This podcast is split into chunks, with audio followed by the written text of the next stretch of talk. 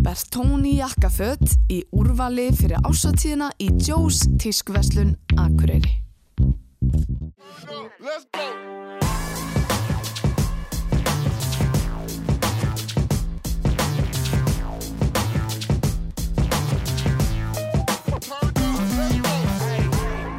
Já, komið sæl og velkomin í taktíkina. Það er komið að því að við fjöllum um nýja íþróttagrein sem við ekki fjallaðum hinga til, list skautar. Og hinga til mín er ég komið tvo góða gesti, Marta og Aldís, velkonar. Takk fyrir. Þið eru báðar hjá skautadeildinni hérna á Akureyri. Já. Og eru þið hvað, jafn gamlar? Já. Ef við segjum hvernig aðeins, uh, Marta, þú byrjar bara, hvenær byrjar þú að æfa skauta? Ég byrjaði þegar ég var svona 6-7 ára. Af því að sýsti mín var að æfa skauta og neytti mig til þess að æfa skauta. Mér fannst það mjög leðilegt. En ég byrjaði sína að æfa og búin að vera í því síðan. En þú Aldís, hvenær byrjar þú? Ég byrjaði svona kringum 2009-2010 og, já, og pappi minn var í hokki og við áttum heima í bænum þannig að þetta var mjög stutt að fara. Það eru mjög margir ílbænum, eða ekki, sem eru annarkvort í hokki eða skautum. Jú, mjög. En þið haldið áfram í þessu, sko, þegar maður er að mæta á skautæfingu fyrst, nú er ég fótballtaþjálfari og hugsa alltaf um mörg og, og bolta, hvernig er skautæfing þegar maður er svona lítill? Það er einu bara að mæta þarna, klæða sér skauta og er í snjókala eða eitthvað. Læra bara svona grunninn til skauta. Bara vennilega, þú veist, bara til að geta skauta áfram og aftur og bak. Og svo, þú veist, bara búin að vera í ár, tvö, þá byrja að læra meira. Þú veist, leggja meira áherslu á annað heldur en bara skauta og gera stökk eða píróta eða eitthvað þannig. Hvað er maður lengi að ná að gera stökk og pýru þetta? Það tekur svona til að ná alveg grunninum á einfjöldastökkunum og grunn píróætuna. Það tekur svona kannski 1-2 ár til að ná í svona því fullkomnu. Það er mjög góði. Hvernig er flokkaskiptingin hann í yngri flokkunum? Er þetta skipt eftir árum eða, eða hvernig er það? Nei, þetta er bara alveg getur skipt. Það er raunin ekkert bara hvað sem maður gammal er, þetta er bara þess hvað maður er góður eða þannig. Það eru bara fjóri flokkar og það er bara í hverjum flokki er bara frá þú veist 6 til 15 eða meira eða eitthvað. Já, þannig að það getur verið einhver 6 og 15 ára í sama flónu reynilega. Já, En ykkar flokkur, hvernig er hann og hvað eru margir að í honum? Uh, við erum svona fjórar til fimm fyrir eftir því hvað mæta margar á æfingu og við erum á milli frá 13 til 16 ára. Og hver er að þjálfa ykkur? Uh, hún heitir Darja Sjashenko, hún er frá Tjekklandi. Eru margir þjálfarir í þessu íslenskir eða er þetta yfirleitt þjálfarar einhvers staðar annar staðar frá? þú veist eins og í okkur þá er svona með yngri krakkana þá eru bara Íslendingar en það er annars alltaf bara útlendingar, þú veist alls það er í heiminum er það eiginlega bara útlendingar, það er ekkert margir íslenski þjálfarar. Eins og við erum alltaf bara búin að hafa útlenska, það skilur bara þú veist, þegar maður líka komið svona langt þá er alltaf bara erlendi þjálfarar. Og hvernig með þetta sport, sko, hvað er það að keppa ofta ári, bæði hérna heima og í, í, úti? Veist, á árinu öllu, þetta er svona skautatímubili eða frá því september til svona ágúst, nei, mæ, eða eitthvað, mæ, já. Já. Og þá, við keppum svona kannski 8-9 sinnum eða eitthvað, 5-6 sinnum heima og svo fyrir við alltaf út líka. Og í hvaða flokkir eru þið þá að keppa? Við erum í úlingaflokki. Og hvað eru margir að að keppa við ykkur uh, á því stíði? Uh, við erum svona 6 til 8 á hverju móti að fyrir eftir hversu margir skrá sig. Og hvernig er skiptingin? Er þetta bara Akureyri og Reykjavík eða hvernig er það? Já, það eru bara þrjú félag hérna á, á Íslandi. Þannig að það eru tvö í Reykjavík og eitt hérna, þannig að þetta er bara frá Akureyri Reykjavík. Og í, í ykkar flokki, hvað eru þá margir frá Akureyri af þessum 6 eða 7 sem eru að keppa? Það eru bara við tvær, allavega núna. Já. En þið eru báðar að keppa með landsliðinu líka. Já. Hvað eru margir í íslenska landsliðinu? Það er svona kannski ekki átta eða eitthvað. Æ, Þannig að við erum núna kannski svona 7-8 og svo þrjár frá Akureyri. Hvernig er aldurinn í þessu? Hver er elstur í landsliðinu? Er það ekki? Það eru tvær frá Reykjavík, þær eru búin að klára mentaskóla eða klára mentaskóla. Já. Þannig að það er engin eldri en það sem er í þessu. Nei, ekki lengur. Er það þá yfirleitt, eh, er þá yfirleitt stelpur að hætta þegar þeir eru að fara í framhaldsskóla eða er það svona, Já, það er mjög mikið þannig. Það er ekkert, stelpun að verða ekkert mjög gamlar í þessu sporti þannig. Við erum kannski svona mest hvað 20, 25 eða eitthvað. Þannig að það er hægt að mjög oft fyrir framhaldsskóla og er kannski bara í námunni í staðan fyrir á skautum. af hverju haldið það sé? Bara erfitt held ég, eða þú veist, að maður er orðin eldri kannski nennir sér ekki það mikið lengur eða eitthvað og svo er bara mikið að gera í skólanum og erfitt að þau setja þetta saman. Er þetta mikið hark? Þurfum við að standa mikið í þessu sjálfar, fjárblunum og, og annað til þess að hafa efni á að stunda þetta? Já, alveg frekara því að félagin eiga ekki oft mikið pening og eins og fyrir segjumstu mót þá löpum við sjálfar fyrirtæki að byggja um styrki. Fyrir landslýsverkefni. Já. En búnaðurinn ykkar, hann kostar nú eitthvað ekki? Jú, skautanir og svo blaði undir, það er sjálf bara mjög dýrt.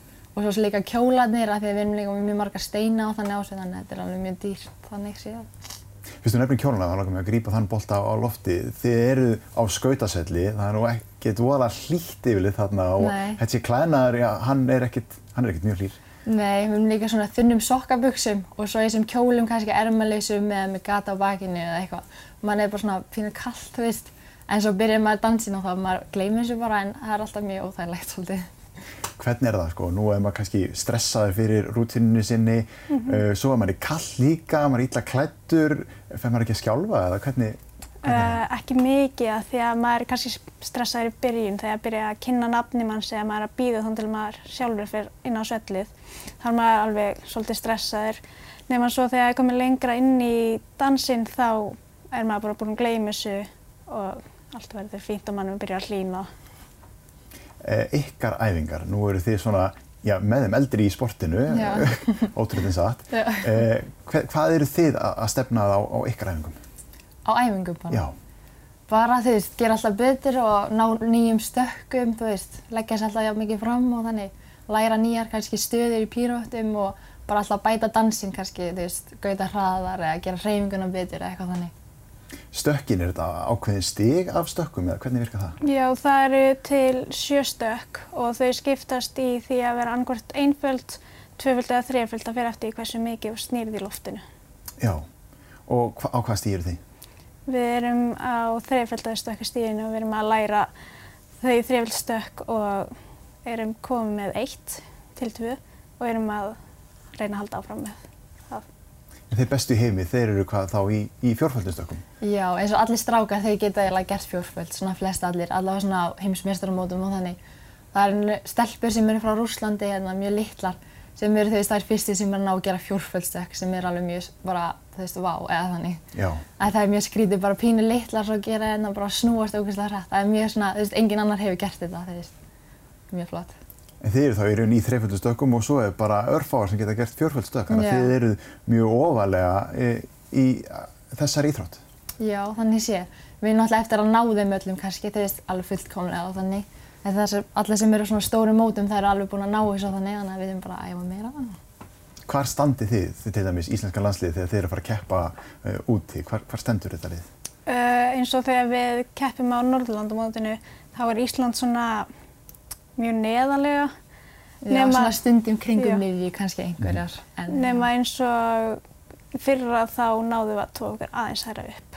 Ok, Það fyrir eiginlega bara mjög eftir líka hvernig móta er eins og við núna erum búin að fara á mjög svona stórt mót sem er eiginlega bara stærsta móti sem það fara á Íslendingar og þú veist, þar erum við frekar neðalega þannig síðan skilur við. Við erum ekkert neðstar en kannski svona aðeins neðra en miðjuna.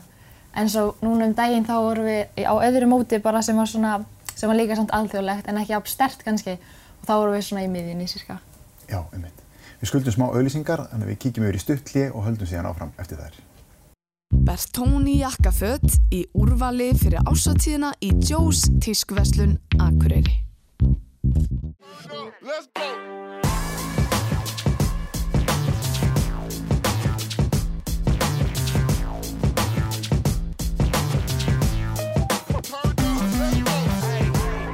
Og við höldum áfram, þátturinn að þessu sinni er tilengaður list skautum. Við vorum að tala um fyrir auðlýsingar þessi mót uh, og þið voru að tala um stórt mót sem eru nýlega búin að vera á. Segðu okkur aðeins meira frá þessu. Það heitir sem sagt Junior Grand Prix og það er svona, þetta er svona mótaröð, það eru sjö mót og þetta er bara um allan heim og Ísland fær, þú veist, tvö sæti þannig að við fórum á tvö mót, ekki það sama, hún fór í Bandaríkjunum og ég fór til Póllands og sem sagt er þetta bara bestu stelpur í heimi og þú veist, það er svona og með flesti stígum fer svo á svona lokamót eða þannig sem að úrslitin er á. Og hvernig gekk ykkur á þessu móti? Það gekk svona alveg bara vel en þú veist, já, En þú Aldís, hvernig gekk þér? Mér gekk mjög vel fyrir daginn en setni dagurinn fór ekki alveg eins og ég var búin að plana en sam samtalast á var þetta alveg ágætt. Svona í, í sögunni, hafa margar farið út og kæfta á þessu móti og staðið sér vel. Hvernig er það? Um, það eru alveg, svona, alveg nokkra stelpur, kannski svona 7-8 frá Íslandi sem hafa farið og nokkrar alveg hafi farið oftar en einu sinni. Og svona, Ísland hefur oft verið mjög neðalega þannig að svona, vonandi erum við að taka íþróttina á hæra stig. Akkurat. Hvernig er það? Nú er það að keppa svona stóru móti, svo er það að keppa móti hérna heima. Já. Hvernig er munun á þessum mótum? Það er alveg svolítið mikill mun af því að þetta er svona margar stelpur veist, sem eru frá útlöndum, það er gaman að sjá þær og þetta er mikið fleiri, við erum svona 30-40 hóp kannski að keppa. Svo komum við inn heima svona allar þekkjumst og erum kannski bara 5-6 og förum inn á þú veist, þetta er alltaf öðruvísi en samt alveg gaman. Uh, ykkar markmið á þessum mótum hérna heima, eru þið, já, eru þið yfirleitt alltaf í efstu sætunum eða hvernig, hvernig er það? Já, við erum oftast tvær í efstu sætunum og eins og markmið mín eins og fyrir næsta mót er að reyna bara að gera mitt besta og ná að lenda nýju stökkunum og gera góða spilna. Það er meira svona heima ef maður kannski að prófa eitthvað nýtt, þú veist, að maður er ekkert beint að tapa beint eitthvað svona þannig sé á því. Kannski bara að reyna að bæta prógramið og gera nýtt fyrir þá kannski þegar maður fyrir út. Nú er mikið að gera hjá okkur, þið eruð í, í framhaldsskóla líka með íþróttinni, uh, að leiðinni próf bara eftir viðtalið og svo að leiðinni út. Já, já, hvernig lítur dagur út hjá okkur? Uh, það er mjög lítið tími á milli skóla og æfingar. Uh, Tvís og sinnum í viku og fer ég beint á æfingu eftir skóla, bara heim, skiptum föt og borða, æfing. Og svo bara heim klukkan sjö, borða, læra, sofa. Já, það er ekki mikil tími fyrir félagslífið þannig inn á milli. Nei, mjög lítill. Svo erum við kannski á morgunæfingum, förum á æfingu, beint í skólan, beint heim kannski, klæða okkur í föt og aftur á æfingu, heim og læra og sofa. Þetta er svona skemmtilegt. Þið eru ekki treynilega stundum í kjólnum bara innundir hettupeysu eða? Nei, ekki alveg. En hvernig finnst ykkur sko skólinn uh, vinna með ykkar íþrótt? Uh, hef, sína kennarar ykkur mikinn skilning? Já, já, það er alveg sumi, það er mjög mism mismunandi, en þau mætti alveg sína kannski meiri skilning stundum. Þurfið þið hreinlega stundum þegar þið eruð í þessum verkefnum í landsliðinu úti að, að vera með bækurnar með ykkur og, og lesa fyrir próf sem er kannski á mánudegi? Já, Já. hefur oft komið fyrir. Já, En þið núna, hva, er þið á fyrsta ári í framhaldsskóla eða hvað er? já, Já. fyrst ári. Og hvað er þið að læra? Ég er á félagsfræðibraut. Ég er á náttúrufræði. Og þið haldið áfram, þið ætlaði að halda áfram að vera í, í skólanum með, með ykkar íþrótt líka. Já. En það væri kannski ágætt ef, að- ef að skólinn myndi já, setja íþróttina fyrst og svo skólan eða, eða hvernig myndi þið vilja hafa þetta? Jú, það verður mjög fínt. Ef við kannski ekki gætum, þú veist, einbeitt okkur meira skautunum heldur skólanum eða eitthvað. Að þetta er alltaf skólinn, þú veist, fyrst, svo lengi og svo þurfum við bæta æfingum líka þar inni, þannig að maður er mjög þreyttur og svona, svolítið. Ef við horfum bara á æfingarnar ykkar, hvernig eh, líta þær út? Þið nefnir bæði morgunæfingar, æfingar eftir skóla. Mhm. Já, hvað eru margar æfingar í viku? Um, það er svona 16 æfingar á viku með uppbytun og afvís fyrir um samtals held ég 17 tíma og já, það er mjög Það er stundum svona tvær, þrjár æfingar á dag og við þurfum kannski að býða smá í höllinni eftir næstu æfingu eða eitthvað. Tökum oft bara skóladótið með þannig að við förum á æfingu, förum svo smá í pásu, þá erum við að borða læra, förum aftur á æfingu og þannig. 16 æfingar, það er alveg óhætt að segja að það sé mikið. En þið talum um það eru bæði æfingar á ís og af ís. Hvernig eru þessar æfingar af ís? Það er raunum bara, við erum að gera það sama og inn á stundum og við erum bara að stökkva svona, bara bæta þetta á gólfi og svo erum við líka alveg að gera þrek og þannig, þú veist, magæfingar og hlaupa og svo leiðis. Hvernig er plossið fyrir af ís æfingarnar? Er það mikið? Nei, það er mjög lítið og svo oftast á sumum dögum þá er hokkið líka á æfingu og þá fóröldarnir að horfa og þeir eru uppi glerið að sitja við borðum á svæðinu sem við erum og stundum standa þeir bara miðju það er mjög mikið fyrir þannig að við höfum virkilega lítið pláss. Þannig að þið eru að gera þessar af ís æfingar þar sem að áhorfendur eru Já, í rauninni, já. og er, er það ekkert óþægilegt? Jú, það er svolítið óþægilegt líka, svo erum við kannski að sippa og við erum alltaf að gera svona tvifaldan, þrifaldan kannski, svo er fólki og bara eitthvað snýð sér við og við alltaf hoppandi eitthvað bakvið, þannig að þetta er ekkert mikið pláss þannig, sko. Nei. En hvernig er það, sko, tengist þessi grein einhverjum öðrum íþjóttagreinum, uh, fimmleikum e- eða dansi? Já, allavega dans, eins og við þurfum mjög mikið að vera kannski í dansi eða ballett fyrir svona hreyfingar og túlkun og þannig, að því í dansinum okkar þá þurfum við að vera að sína veist dans á meðan við erum að gera stökkin og allt það. Þannig að við þurfum alveg að fá svona hreyfingar og svoleiðis frá dansi og ballett. Akkur, það er ekki nóg að gera þetta bara vélrænt, það þarf að vera flæði í þessu líka eins og þið séu að dansa og tjá ykkur inn á svellinu. Já. uh, og hvernig uh, fáið þið æfingar í, í þessu eða er þetta eitthvað sem þið þurfum að finna bara hjá ykkur sjálfum? Það er svona, við höfum oftast við í æfingabúðum, þá er danskensla og örlítið ballett. Nefnum eins og hér á Akureyri, bara heima, þá erum við ekkert mikið í því nema stundin tekur þjálfarinn okkar bara svona í grunninn í ballett. Uh, eru þið eitthvað að ná að, skila af ykkur, eru þið líka að, þjálfa ykkur í skautum? Já, allavega í síðasta ári þegar við vorum bara í grunnskóla, þá vorum við mikið að hjálpa til og þannig. En ég er ekkert aðeins núna því ég er meira bara að ég hef nógu að gera, ég hef eiginlega bara ekki tíma fyrir það. Og það sé mjög skemmtilegt, ég væri alveg til að gera það, kannski svona ég komin aðeins betur inn í skólan eða eitthvað, þetta er allavega nógu í bíli. Þetta lítur að vera svolítið skipulag sem þið þurfum að setja niður til þess að, að ná að halda utanum þetta og líka bara þennan að mataræði fari ekki allt í rugl. Já. Mm. Hvernig, hvernig komið inn máltíðum inn í svona æfinga, lærdóms, vinnudag? Mm, við alltaf, við komum, erum í skólanum, það er nesti og hádegismatur, svo komum við heim, fáum okkur að borða, svo tökum við oftast bara með okkur nesti ef það er pása á milli æfinga og borðum eitthvað. Maður er alltaf bara að nesta sig vel fyrir daginn í rauninni, taka með bara. Og eru þið að gera það sjálfar eða, eða fáið fóröldarna eða? Bara svona bæði, það er alveg hjálpa á fólkdrarnum en ég gera stundu sjálf. En þið þurfum að hugsa svolítið um hvað þið eru að borða það ekki? Það, það, Jú. þið, og þið sjáuð að það skilar ykkur árangri ef þið borðið rétt frekar en bara eitthvað. Já, einmitt. Líka fyrir keppnir kannski, þú veist, passa sér betur. Maður má alveg leiða sér stundum en þú veist, það er samt að passa veist hvað maður borðar og svoleiðis. Og eru þið með einhver þjálfari í þessu eða er einhver að hjálpa ykkur við þetta? Mm, ekki mikið, við höfum eins og farið á fyrirlestra, hvernig við, eins og við höfum farið í næringafræði og eitthvað svona örlítið, en það er enginn sem hjálpar okkur við þurfum eiginlega að sjá um þetta sjálfar. En samt er þetta þáttur sem að við myndum segja skipti miklu máli. Já, einmitt. Það er pínu óþægild að þurfa að gera þetta sjálfu, þú veist, þegar maður bara eitthvað sjálfur en að gera þetta, kannski fristund að fá sér eitthvað, eitthvað þannig. Þannig að það var alveg fínt að hafa einhver hjálp en þú veist, maður gerir bara svona það sem maður hefur heyrt og bara borða bara holt, þannig séð. Akkurat.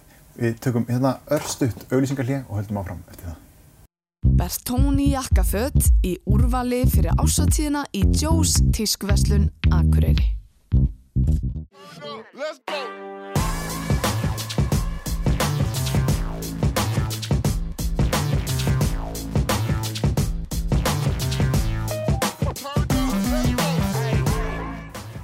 Já, við skautum inn í síðasta hlutan af þessum þætti.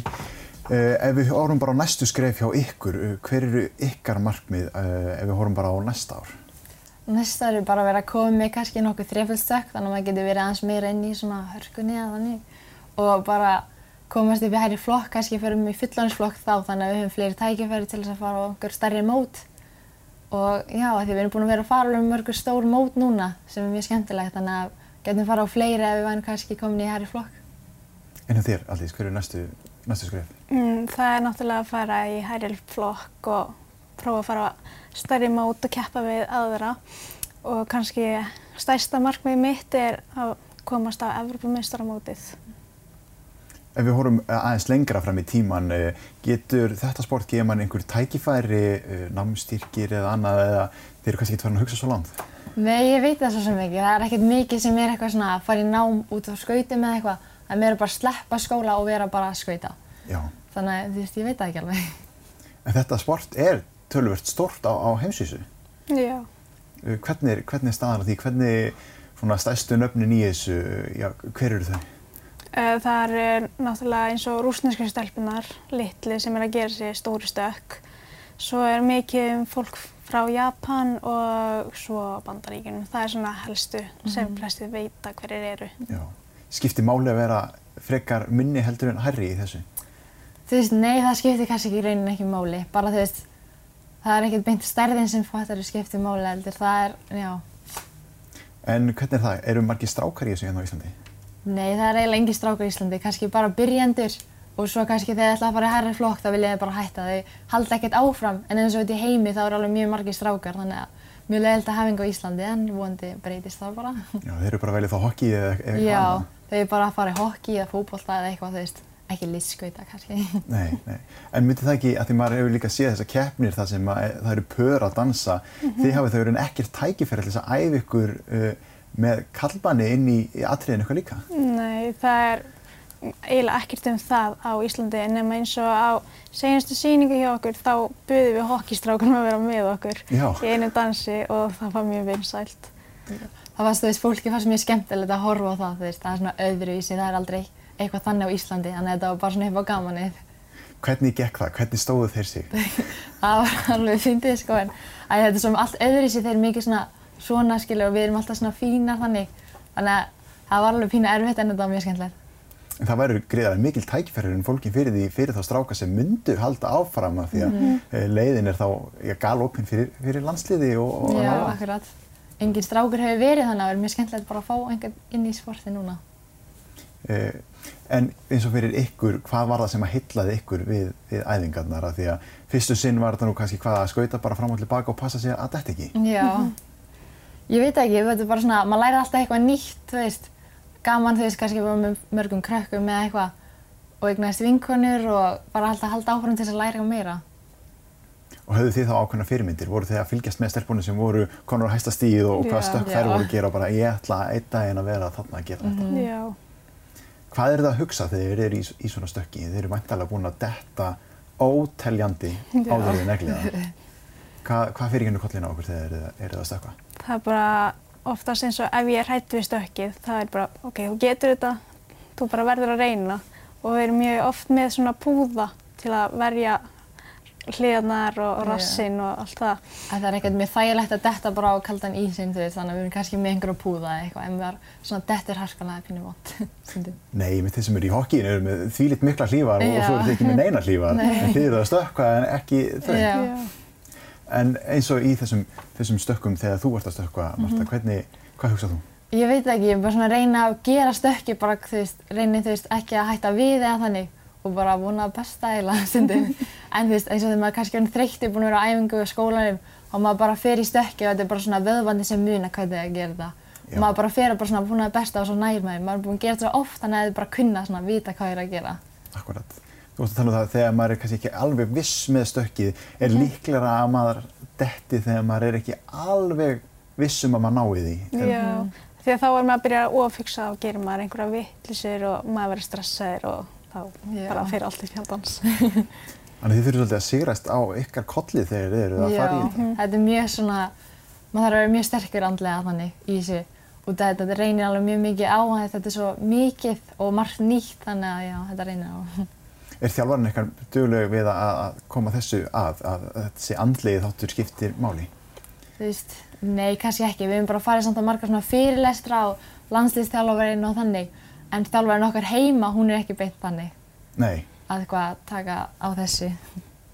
En hvernig eh, leiðbeinir hún ykkur, eh, þið eru með ákveðna rútínu líka, eru þið að semja rútínuna eða er hún að semja rútínuna eða hvernig? Hún semur, semur yfirleitt rútinuna og svona, við þurfum svona, hún gerir hana nema svo þegar við gerum það þá svona eiginlega þurfum við að tengja við hana og þá kemur þetta allt saman.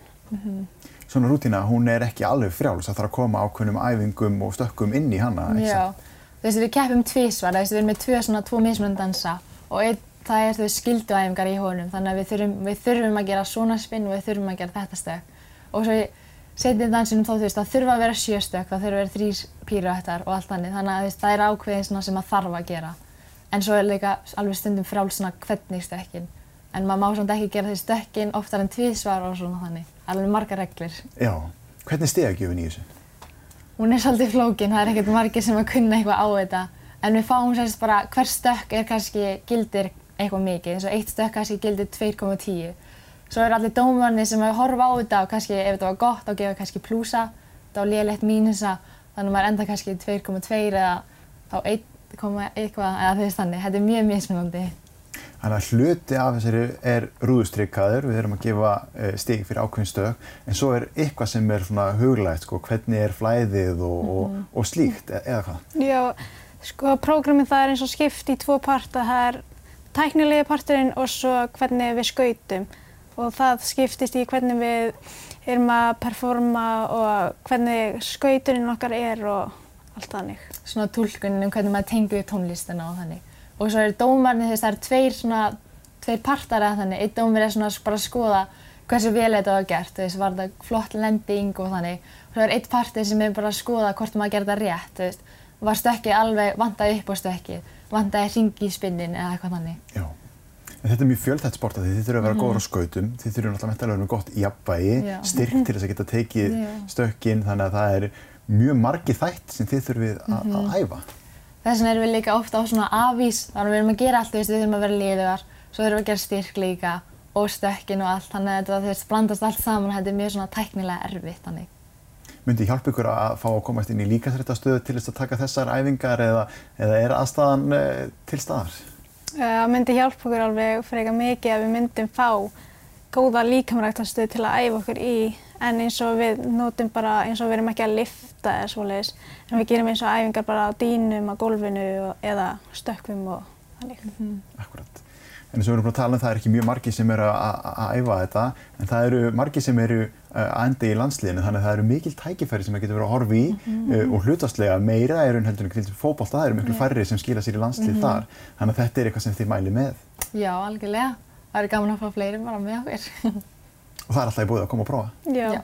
Það er mjög oft um, eins og núna eru tveggja mánuða frí námskeið þannig að bara þeir sem koma fá að æfa í tvo mánuði og ef þau vilja halda áfram þá bara halda þeir áfram.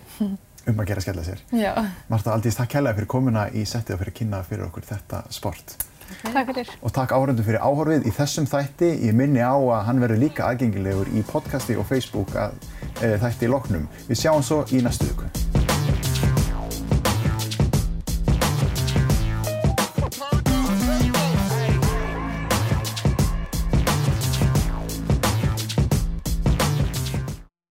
Bertóni jakkaföt í úrvali fyrir ásatíðina í Joe's tískverslun Akureyri.